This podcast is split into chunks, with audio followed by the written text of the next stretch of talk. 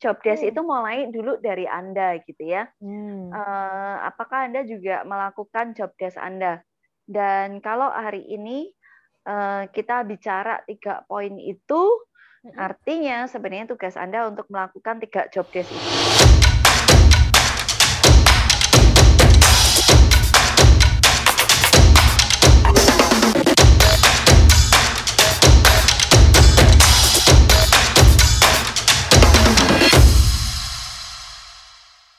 Everyone, welcome back to Curhat HRD. Kita ketemu lagi di podcast Curhat HRD, di mana di podcast hari ini kita akan ngobrol-ngobrol masih seputar job analysis.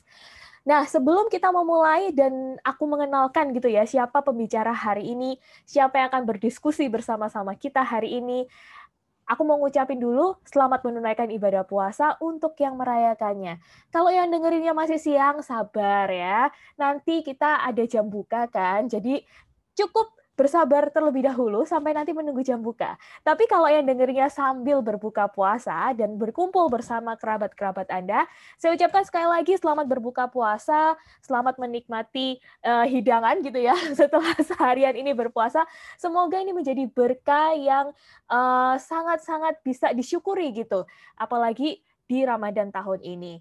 Nah, uh, teman-teman podcast Curhat HRD, seperti yang kita tahu gitu, kalau misalnya dalam dua episode kemarin kita sudah membahas tentang job analysis.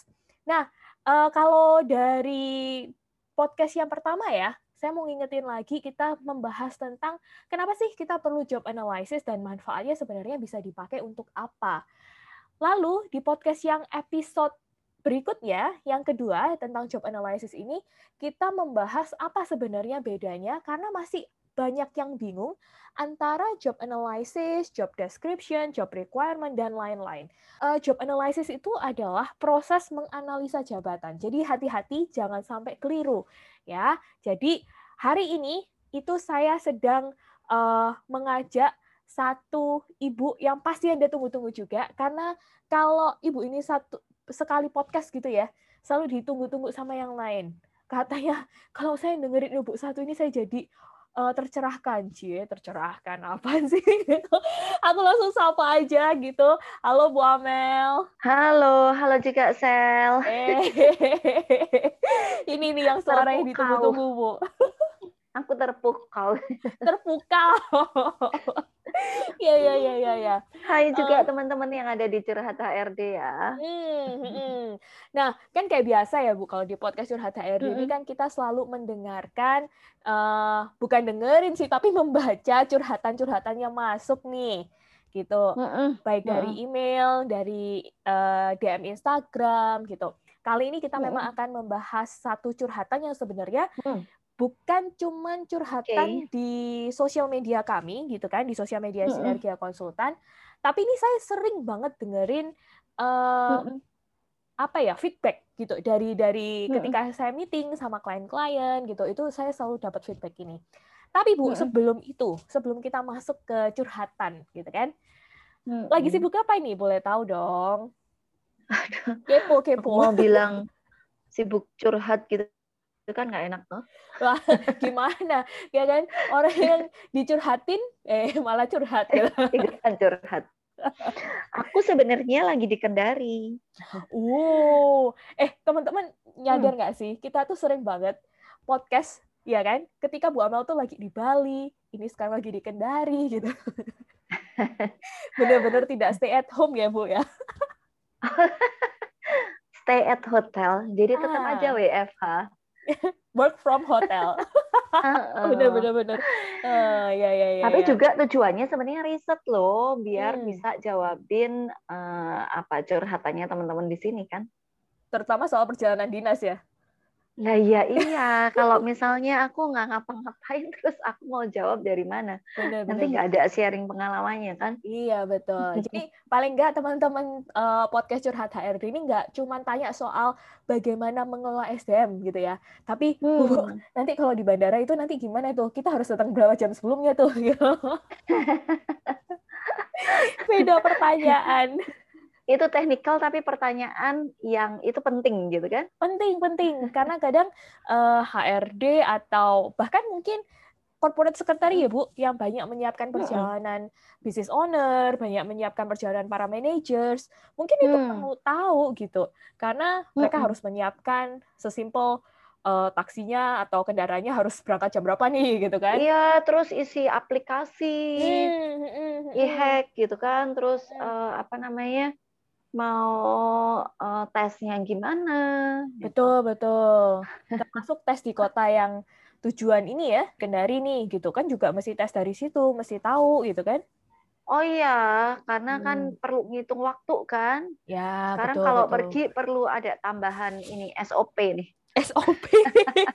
betul, betul, betul. Eh, iya, itu jadi insight, Bu. Jadi kayaknya perlu dibuat atau direview kembali SOP perjalanan dinasnya ya. Lah, betul, betul banget. Uh, SOP karena, perjalanan dinas, budgeting. Uh, budgeting, ha, ha, ha, ha. Iya. Iya, karena... Belum faktor resikonya juga, sel. Resiko apa tuh?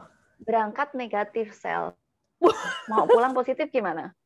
Pulang karantina. Ayo lo karantinanya nah, gimana? nah, budgetnya kan pakai apa? iya. Resiko perjalanan. Iya iya iya ya. nah kapan-kapan kita boleh deh ya kayaknya ngobrol soal itu. Uh, tidak banyak yang membahas tapi ternyata kalau kita bahas lebih jauh penting juga ya buat teman-teman HRD bu. Oh iya benar. Oke Ya, besok oke. Okay. Besok lusa kan aku pulang. Uh -uh. Jadi pengalamannya lengkap dari berangkat oh, sampai pulang. Boleh, boleh, boleh. Nanti kita podcast khusus ngomongin perjalanan ke Kendari. Oke, okay. ya ya ya. Semoga aman ya Bu di situ. Aman, semoga sampai hari ini sih udah beberapa hari di sini juga uh, ya happy lah ya. Semoga semuanya lancar. Doain aja. Ya, amin, amin. Semoga lancar, balik lagi ke Surabaya dan bisa main-main lagi di kantor. Karena kalau kantornya itu, mm, ini ya kan, kalau kantor nggak ada Bu Amelia teman-teman gitu ya, nggak ada yang rewel soal kabel. Tapi kan hidup hidup kalian tenang kan? Aku nggak ada di kantor. iya betul, tenang saya. jadi jadi teman-teman podcast ini sedang membayangkan profilnya Bu Amelia itu sebenarnya kayak apa ya gitu. Nah, nah jadi uh, ngomong-ngomong profilnya Bu Amelia gimana gitu. Ini sangat hmm. nyambung dengan curhatannya masuk Bu. Oke. Okay. Ada beberapa email memang yang mempunyai pertanyaan yang menurut saya sejenis ya sama gitu. Dan sebenarnya balik lagi kok tadi yang aku bilang um, ini nggak cuma lewat email, tapi ketika aku meeting dengan hmm. klien-klien hmm. pun, ini selalu diucapkan di awal, begitu. Oke. Okay. Mereka sebenarnya di hmm. perusahaan, uh, di bisnis mereka, mereka itu sudah mempunyai dokumen-dokumen yang cukup lengkap.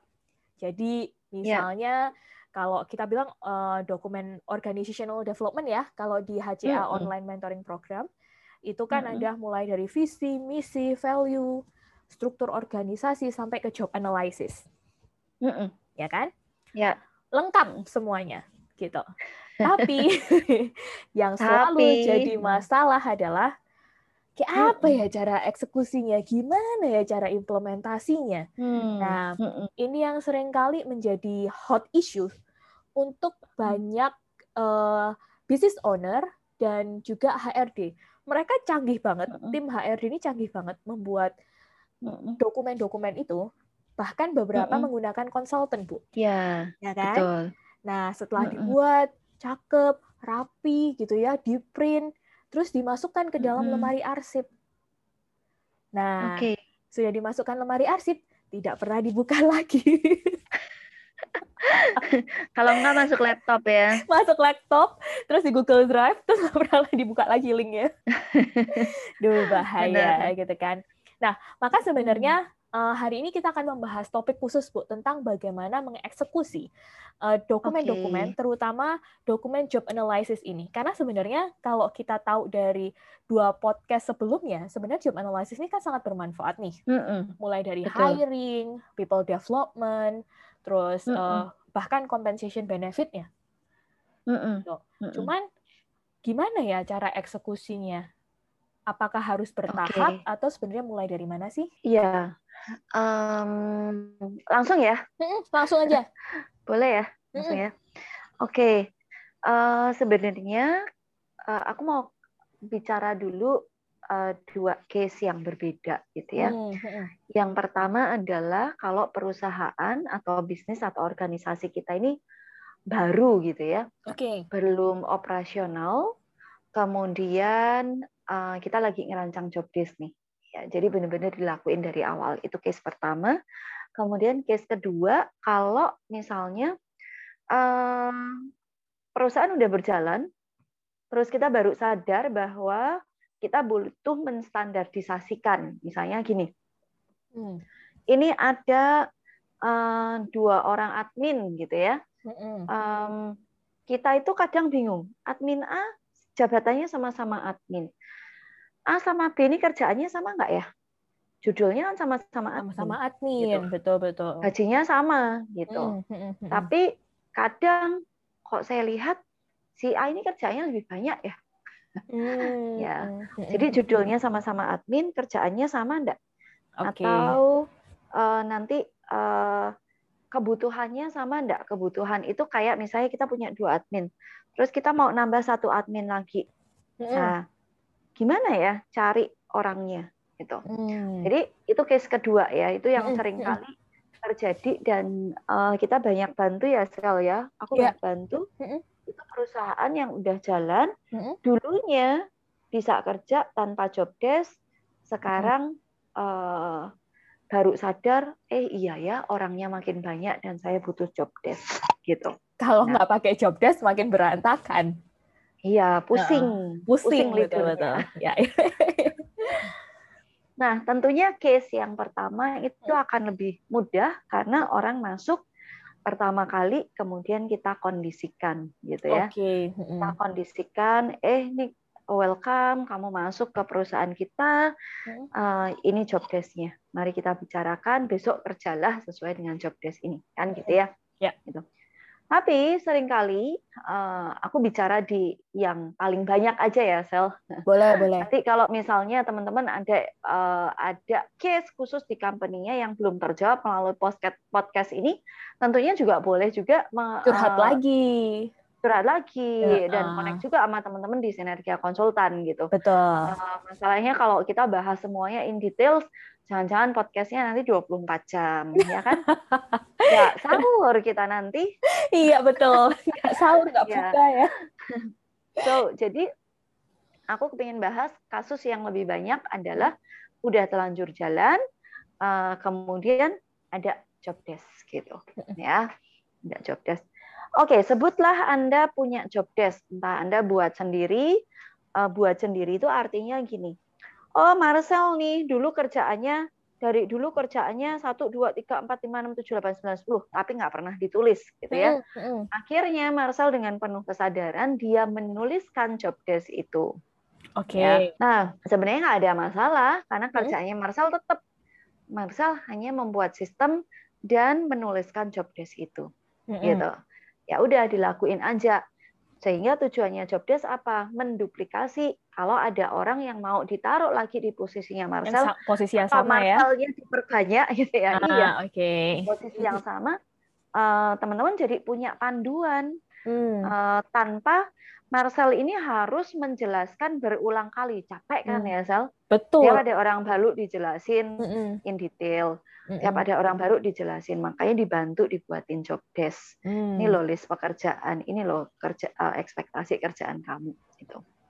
Tapi ada juga, Sel, uh, perusahaan yang kadang kita nggak punya satu keahlian untuk me membuat job desk, kemudian kita minta tolong konsultan. Ya, ya, banyak case kayak gitu. Nah, banyak case kita juga banyak dimintain oleh klien ya. Benar, benar, itu. benar. Sinergia sendiri juga ngerjain hal-hal seperti itu. Benar. Nah, ini bisa jadi hal yang membantu, bisa jadi jebakan Batman sih sebenarnya. Ya, ya. ya. Soalnya gini loh, teman-teman, Anda boleh aja pakai konsultan. Tapi pakai konsultan itu, ingat, konsultan ini bukan orang yang ada di dalam bukan orang yang mengerjakan pekerjaan itu gitu. Jadi kalau Anda ini pasrah bongkoan sama pasrah 100% ya sama pasrah bongkoan. Pasrah bongkoan. pasrah 100% sama konsultan. Uh, dan ini banyak yang terjadi. Ya. Uh, hati-hati. Jangan-jangan yang dibuat sama si konsultan ini cuma teori. Oke, okay. ya, ya betul betul bu. Cuman teori, cuman uh -uh cuman copy paste dari hmm. yang semestinya. Uh, contohnya tadi kayak admin kayak gitu ya. Um, atau misalnya saya kasih deh yang yang ini jabatan yang paling banyak semua semua company pasti uh, ada punya gitu ya. Sales gitu ya. Sales. sales. Uh, saya tuh suka bingung gitu, Bu. Pokoknya saya dibikinin job desk untuk sales ya. Mm-hmm. Pak, sales ini nih macam-macam. Sales online aja macam-macam. Betul. Ya kan? Ada kalau saya itu hanya diminta yang membuatkan, bisa jadi saya bikin cuma teori. Ya. Maka dari itu sebenarnya kalau Anda pakai konsultan, teman-teman, pastikan konsultan itu melakukan riset enggak di Anda. Benar-benar tahu enggak ya? ya. Karena nanti poin pertama, kenapa job desk itu tidak bisa diterapkan atau job desk-nya ada tapi tidak dilakukan, jangan-jangan uh, job desk-nya yang tidak pas Hmm, gitu. Karena tidak sesuai dengan bisnis proses di internal mereka ya, Bu? Uh, uh, karena okay. namanya sales itu kan siap company bisa beda macam-macam, gitu ya. betul. Uh, uh. Contohnya okay. misalnya kayak di di sinergia gitu, kita punya satu uh, uh, sama sih, misalnya gini, job desk-nya adalah membalas chat gitu kan, itu kan simpel ya, iya. membalas chat gitu, itu kan uh, sales gitu. Tapi di sinergia ini ada komanya. Hmm. Membalas chat dengan standarnya waktunya kurang dari satu kali 24 jam. Hmm. Tergantung juga produknya apa. Tergantung produknya apa. Uh -uh. Tapi ada juga company lain sama job desk-nya membalas chat. Sama hmm. kan? Sama, betul. Cuman uh, Anda bayangin kayak uh, perusahaan besar yang punya hotline service ya. apa yang terjadi? Di sana adalah tuntutannya membalas chat dalam waktu kurang dari lima menit. Bedanya langit dan bumi, toh? Iya, betul, gitu. betul. Nah, so pastiin ketika Anda bekerja sama dengan konsultan, uh, ada satu proses komunikasi di mana Anda menginformasikan bisnis proses Anda seperti apa, standar. Anda apa, ekspektasi Anda apa, bukan hanya istilahnya apa ya, kayak beli kamus, hmm. beli kamus dari konsultan. Nah, hmm. itu pasti itu hal yang pertama yang membuat job desk kita nggak bisa terimplementasi. Oke. Okay, Jadi cek okay. dulu teman-teman, hmm. jawab dulu nih. Uh, anda sekarang punya job desk di tangan Anda, hmm. proses pembuatannya kayak apa? Oke, okay, menarik. Pertanyaan yang perlu direview oleh teman-teman yang mendengarkan podcast Curhat HRD ini. Siapa sih yang buat job desk-nya? Uh, uh. Ya, kita kan? itu kan sering ya, sel dapat permintaan gini punya list job desk nggak? Nah, benar-benar uh, bisa kan dulu pernah pegang ini ya uh, apa namanya klien di perusahaan retail bisa nggak minta langsung lah perusahaan retailnya kan macam-macam ya gitu. Saya hmm. jadi ingat satu kasus bu ini yang saya temukan sendiri gitu hmm. di salah satu bank ternama gitu ya. Uh, di okay. salah satu bank ternama saya datang gitu kan karena waktu itu isunya saya bukan buat job analysis atau KPI kalau nggak salah tentang assessment gitu hmm. dan sebenarnya assessment ini kan juga sangat berkaitan dengan uh, job analysisnya ya karena kan di dalam form job analysis biasanya ada kompetensi yang harus dimiliki spesifikasinya apa requirementnya apa kan gitu ya mm -mm. Mm -mm. saya melihat satu kejanggalan ketika mm -mm. saya itu mau uh, assessment level head ke atas, jadi head, supervisor, dan manager, gitu. Okay. Nah, mm-hmm. logikanya, logikanya nih teman-teman, ini juga teman-teman podcast sambil juga diajak berpikir gitu kan.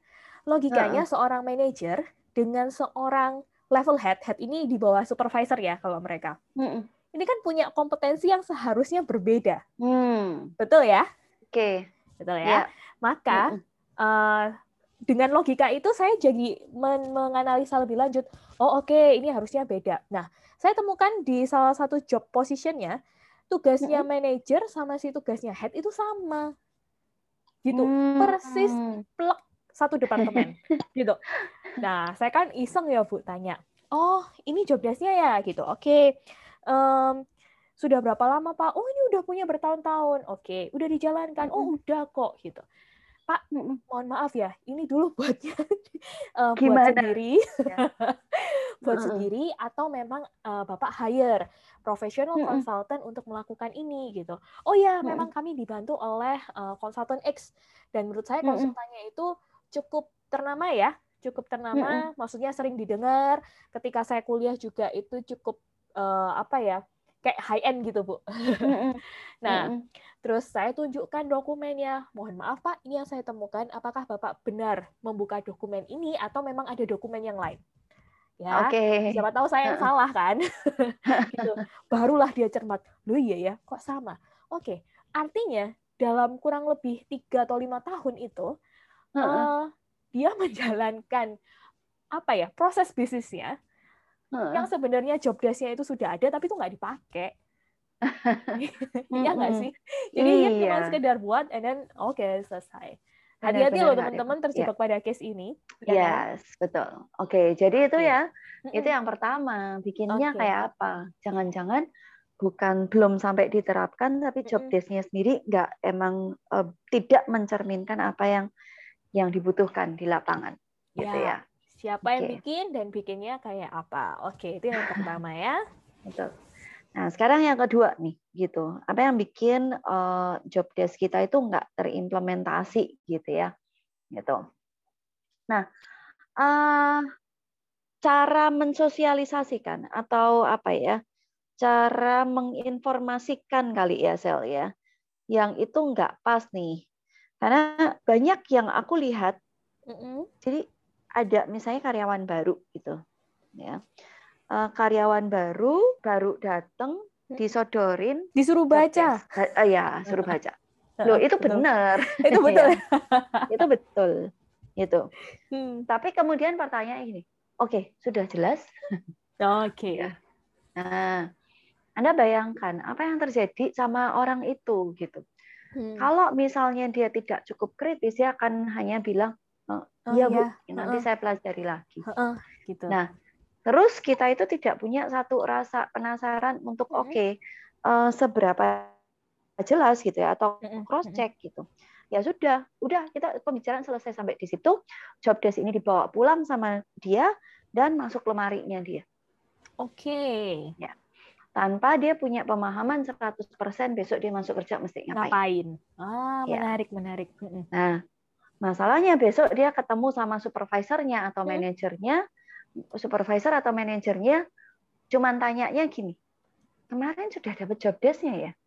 Oh, hmm. sudah gitu. Hmm. Oke, okay, silahkan selesai. nah, yang senyum-senyum atau mungkin Anda merasa itu juga terjadi gitu ya di hmm. di di tempat Anda. Hati-hati. Jadi yang salah bukan job desk-nya.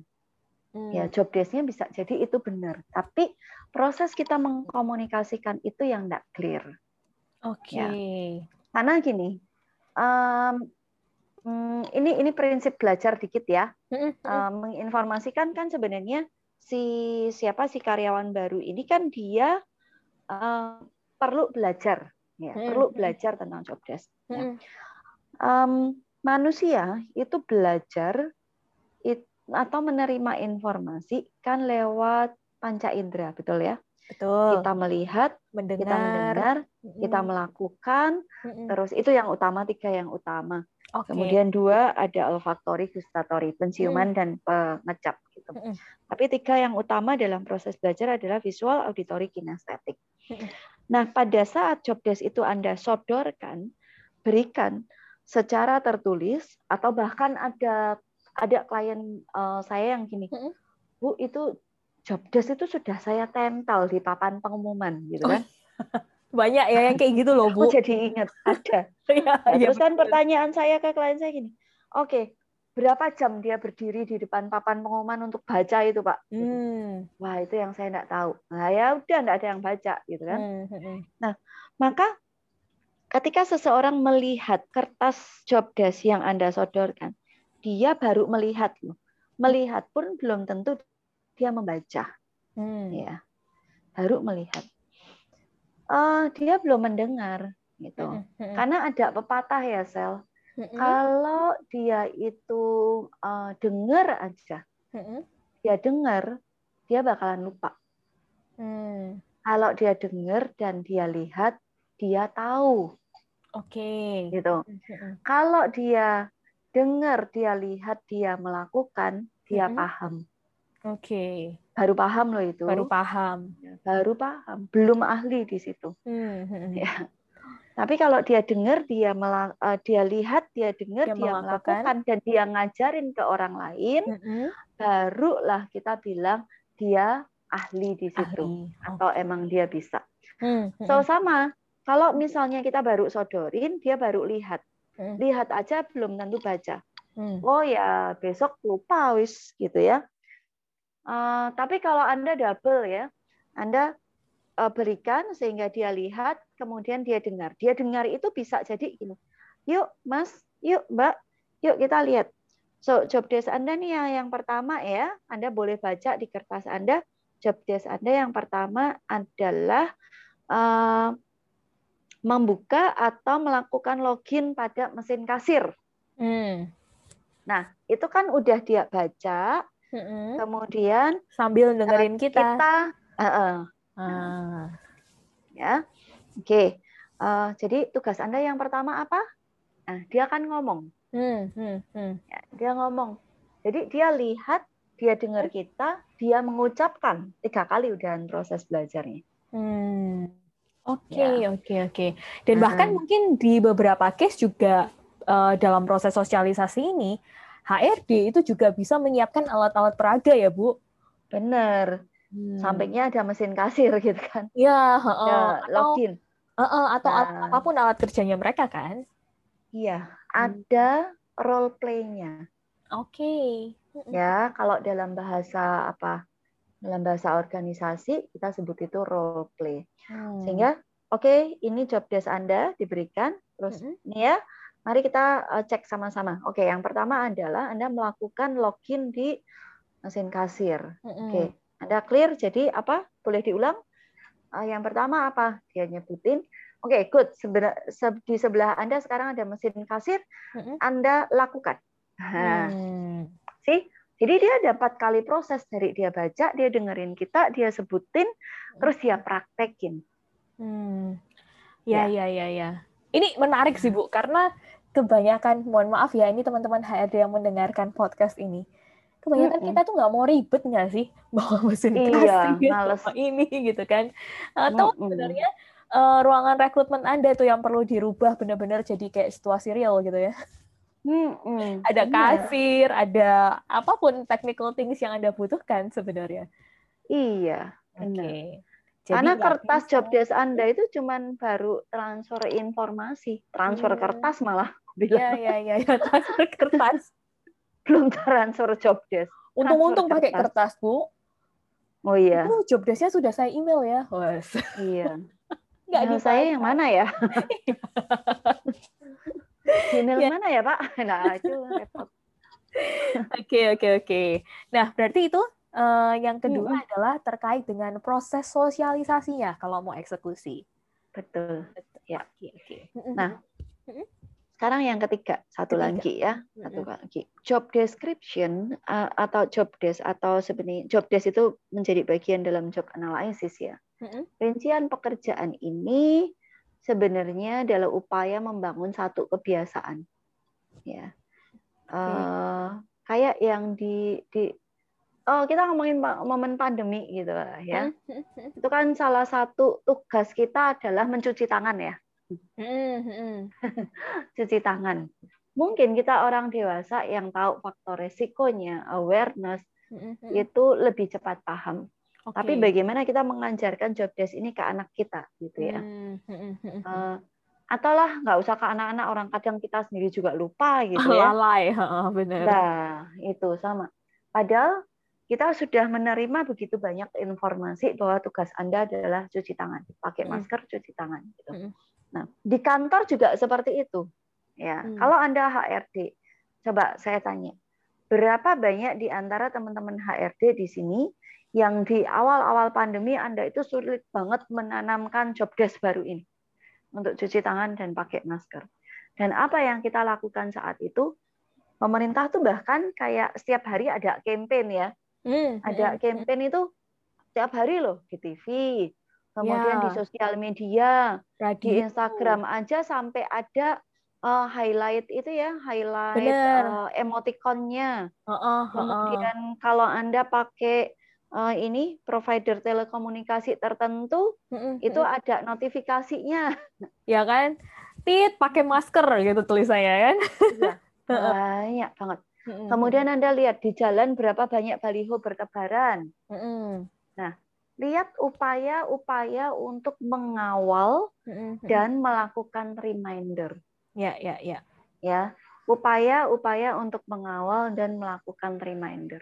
Ya. Hmm. Kita nggak pernah bisa berharap job desk dikasih hari ini masuk lemari, besok nggak dibuka lagi. Hmm. Kalau Anda nggak mau job desk Anda masuk lemari, berarti yang perlu Anda lakukan adalah mengajak tim Anda keluarin job desk dari lemari dan dibuka lagi. Kan simple. Ya, ya, ya, ya, ya. Dan mungkin loh Bu, ada hal-hal yang berubah. Contohnya aja kayak pandemi ini ya contohnya. Hmm. Uh, yang dulu misalnya sales mereka bisa canvassing ke lapangan, sekarang kan udah nggak bisa nih. Nggak bisa. Ya. Nah itu direview. Direview hmm. kembali kan. Hmm. Hmm. Betul.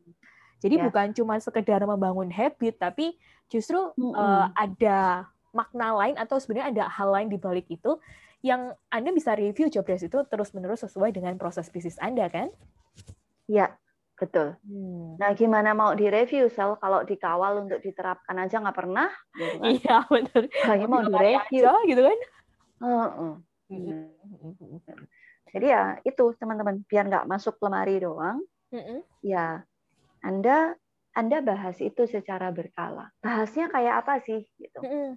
Bahas itu kan banyak ya di meeting itu bisa dibahas sebenarnya. Okay. Terus kalau kita mau mengevaluasi satu orang, nah ini banyak yang nanya ke kita ya Sel, uh, Bu, ini karyawan udah tiga bulan, gitu. Uh, gimana ya mereview dia, dia lanjut kontrak apa enggak, atau lanjut jadi karyawan tetap atau enggak? Betul gitu. betul. Nah ya paling simpel buka aja job desk-nya, bikin ujian di situ. Ya, buka job desk-nya. Oke, okay. Anda udah probation tiga bulan, coba ceritain ke saya job desk Anda apa aja. Hmm. Nah, kalau dia gelagapan, bisa jadi job desk itu setiap uh, job desk itu cuma dia simpan aja di lemari atau di laci. Oke, okay. ya, ya ya ya. Nah, itu kan juga cara untuk menilai dari ya, di situ ya. Atau kalau saya bilang sih um, mau mengevaluasi hmm. udah tiga bulan habis uh, saat masa probation udah mau habis itu telat sih betul telat banget ya. jadi kalau misalnya anda punya karyawan baru ya let's say dua minggu atau satu bulan pertama dia yuk sini duduk lagi saya mau evaluasi oke okay, hmm. kamu bawa lembar job desknya kamu hmm. itu kan kayak diingetin lagi ya hmm. oke okay, good uh, kamu punya 10 macam job desk nih Hmm. Kasih tahu ke saya mana yang sudah benar-benar Anda lakukan, hmm. mana yang Anda masih kesulitan. Mari kita hmm. bahas. Hmm. Nah, kalau dia bilang, oh saya udah nih, ini Pak satu dua tiga, saya udah laku ini. Hmm. Oke, okay.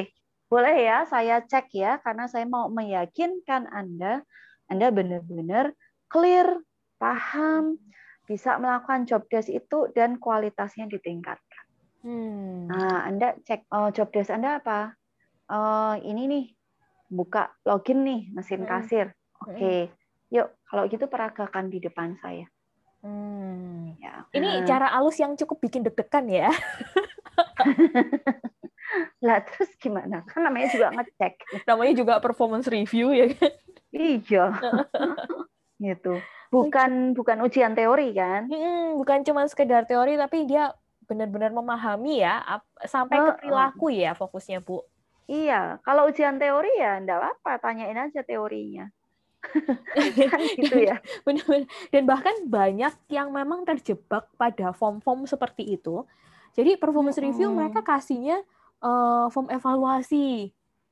Iya, hmm. terus setelah itu supervisornya bilang, "Wah, ini kamu HRD cari orang nggak bisa kerja gitu."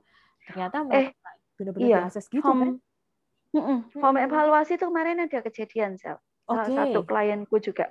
Uh -uh, Jadi bahkan, tapi kalau menurut aku nih gini, hmm. ini teknologi yang salah kaprah gitu ya. Hmm. Udah dievaluasi, sudah bu, kan udah saya kasih linknya Google Form. oh. Ya memang Google Form itu maksudnya electronic form itu kan akan membantu proses Anda ya. Memudahkan Tapi ya. bukan iya, memudahkan. Mm-mm. Bukan berarti ketika seseorang ngisi Google Form. Kemudian berhenti Anda berhenti dan puas dengan oh, nilainya dia 90.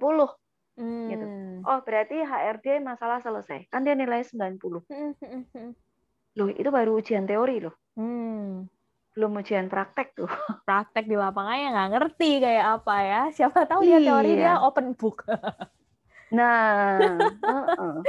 Ah, Oke. nah oke, itu oke. yang menurut aku jadi salah kaprah gitu ya. Kalau mm, Anda mm. melakukan penilaian karyawan, kalau cuman pakai form itu tadi, ya Anda baru mengevaluasi apa teorinya loh, gitu. Tapi prakteknya ya belum dievaluasi tuh. Ya, ya. Ya, Oke. itu sih. Ha-ha, ha-ha. Ini jadi menarik banget ya Bu ngomongin tentang eksekusi. Ini baru satu loh ya teman-teman. Bu Amel baru cerita tentang eksekusi job desk yang ada di dalam job analysis. Belum ngomongin tadi tentang eksekusi perjalanan dinas. Belum eksekusi komben, belum eksekusi yang lain-lain. Jadi kayak nggak pernah habis untuk dibahas ngomongin soal pengelolaan SDM ini nggak sih? Hmm, Banyak, banyak banget. ya. banget. Banyak banget. Nah, Eh, Bu, tapi by ini kan kalau misalnya kita mau menganalisa secara lebih dalam, sebenarnya Mm-mm. aku juga mau ngingetin teman-teman yang lagi dengerin podcast ini bahwa kita punya formnya. Dan formnya itu ada di HCA Online Mentoring Program, Bu. Masih ingat nggak sih Hmm. formnya? Heeh. Ya, jangan Oh, sampai iya, ingat iya, dong iya, ibu yang buat betul. sendiri gitu. Saking, ya, saking bikinnya macam-macam. saking bikinnya macam-macam, saking produktifnya teman-teman, gitu. Jadi Hmm. uh, ada form job analysis namanya all in one job analysis di mana di dalam situ teman-teman bisa uh, langsung menggunakannya ada job requirement-nya, ada job specification-nya, termasuk job desk dan KPI udah jadi satu form aja. Nah, sebenarnya form-form ini juga nggak hanya dikasih gitu ya, terus teman-teman ditinggal nggak dikasih tahu cara pakainya bagaimana, karena ada video penjelasannya juga terkait dengan Mm-mm. uh, form job analysis ini. Dan semuanya bisa diperoleh di HCA Online Mentoring Program. Jadi, terutama untuk Anda yang member, Anda bisa langsung cari aja job all-in-one job analysis gitu. Maka teman-teman tinggal download gitu. Tapi kalau yang belum jadi member, teman-teman bisa join di HCA Online Mentoring Program. Tanya tim kami aja deh, pasti dibantu gitu. Nah, mau ngingetin itu. Nah, aku balik ya Bu ke Boleh. eh, tadi ada tiga hal yang Mm. mana itu harus teman-teman juga perhatikan, teman-teman HRD perhatikan atau business owner bahkan supaya dokumen job desk Anda tidak hanya di lemari aja, tapi bisa dijalankan. Yaitu yang Hmm. pertama itu adalah dicek dulu yuk review lagi dulu proses bikinnya kayak apa dan siapa yang bikin gitu, siapa yang membuat job desk ini. Sehingga Anda bisa punya gambaran apakah ini perlu direview lagi atau seperti apa. Ya. Yang kedua, supaya job desk Anda bisa dijalankan, pastikan proses sosialisasi Anda atau mengkomunikasikannya itu clear, jelas. Hmm. Sehingga orang yang mendapat job desk itu juga mampu melakukan job desk itu dengan baik gitu di pekerjaannya. Nggak cuman Ya. dikasihin aja formnya, nih ya job desk kamu gitu. Tapi benar-benar Mm-mm. dipastikan juga secara visual, auditory, dan kinestetik. Gitu. Mm-mm. Nah, yang Yes. ketiga, tips dari Bu Amel adalah bangun habitnya. Karena tadi kalau Bu Amel bilang bahwa untuk memakai masker dan untuk mencuci tangan aja, kita perlu diingatkan dengan berbagai cara. Bahkan di HP kita itu sinyalnya tulisannya pakai masker gitu kan.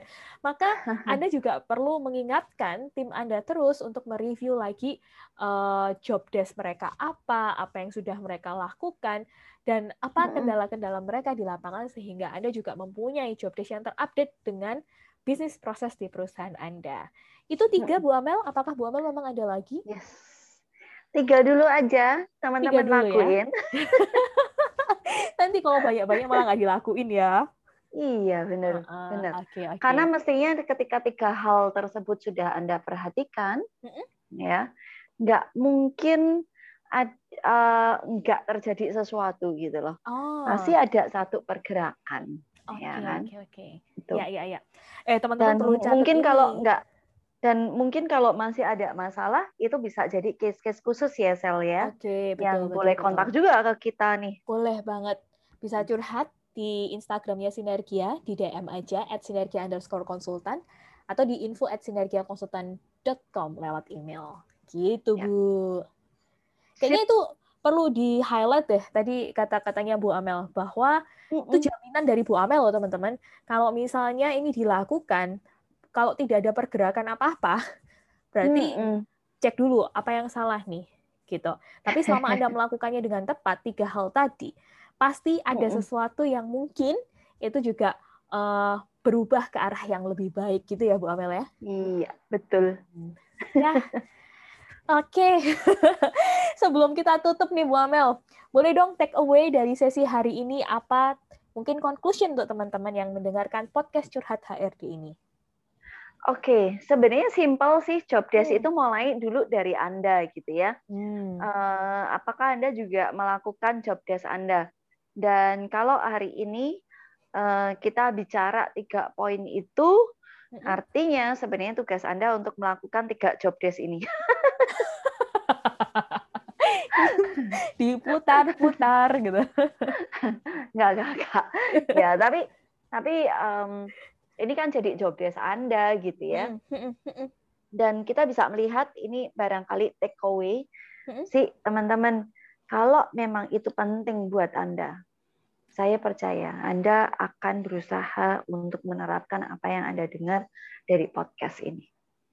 Wah, thank you, thank you. Epic, selalu epic take away kalau Bu Amel ya. Nah, Oke. kalau dari saya sih take away-nya hari ini adalah eh, selalu yang namanya membangun sistem itu sama dengan membangun habit, Bu, gitu. Jadi Iya. percuma kalau misalnya udah dengerin podcast ini tidak dimulai dengan membangun habit di perusahaan Anda. So, ini jadi Hmm, PR hmm. untuk para business owner, human capital Yep. practitioner, dan professional leader yang sedang mendengarkan podcast Curhat HRD hari ini. Hmm. Aku juga sekali lagi eh, mengundang teman-teman yang lagi dengerin podcast ini dan bergabung menjadi member di Sinergia Konsultan bisa langsung aja cek tim kami dan yang masih punya masalah dalam mengelola SDM. Tadi ya udah tahu Hmm. tiga cara ini mau diterapin lah tidak seindah kata-kata Bu Amel gitu kan. Bisa langsung curhat. Kalau mau curhat gratis kok. Kita kalau curhat kita akan pilih eh, dari curhatannya masuk itu dari email dan DM-nya masuk dan kami akan pilih untuk dibahas di podcast ini. Langsung dibahas bersama ahlinya human capital expert dan coach dari Sinergia Konsultan. Jadi pastikan Anda kalau misalnya punya masalah dalam mengelola SDM langsung aja email kami di info@sinergiakonsultan.com atau DM di Instagram kami at sinergia underscore konsultan. Uh, aku thank you banget Bu Amel buat waktunya Mm-mm. hari ini. Udah Aku diskusi, juga thank you. sharing-sharing, iya ya. Uh, boleh ya bulan bulan depan lagi, ya harus dong. Ya, boleh lah. Jangan lupa juga buat teman-teman simak terus kalau misalnya Bu Amel ada IG live, bener ya Bu? Iya, Nah, IG Live, podcast, kelas-kelas yang lainnya. Ikutin terus aja karena tim Sinergia akan terus update media-media pembelajaran yang baru, eh, info-info terupdate soal human capital dan bisnis dengan mengelola SDM-nya. Begitu. Jadi buat teman-teman semua yang dengerin podcast ini, thank you udah bareng-bareng sama kita sekitar 40 menit ini. Semoga Anda mendapatkan banyak insight terkait bagaimana mengeksekusi job desk di bisnis dan perusahaan Anda. Terakhir, selamat menunaikan ibadah puasa. Stay safe, stay productive, and keep your energy to sell. Bye. Thank you semua. Thank you.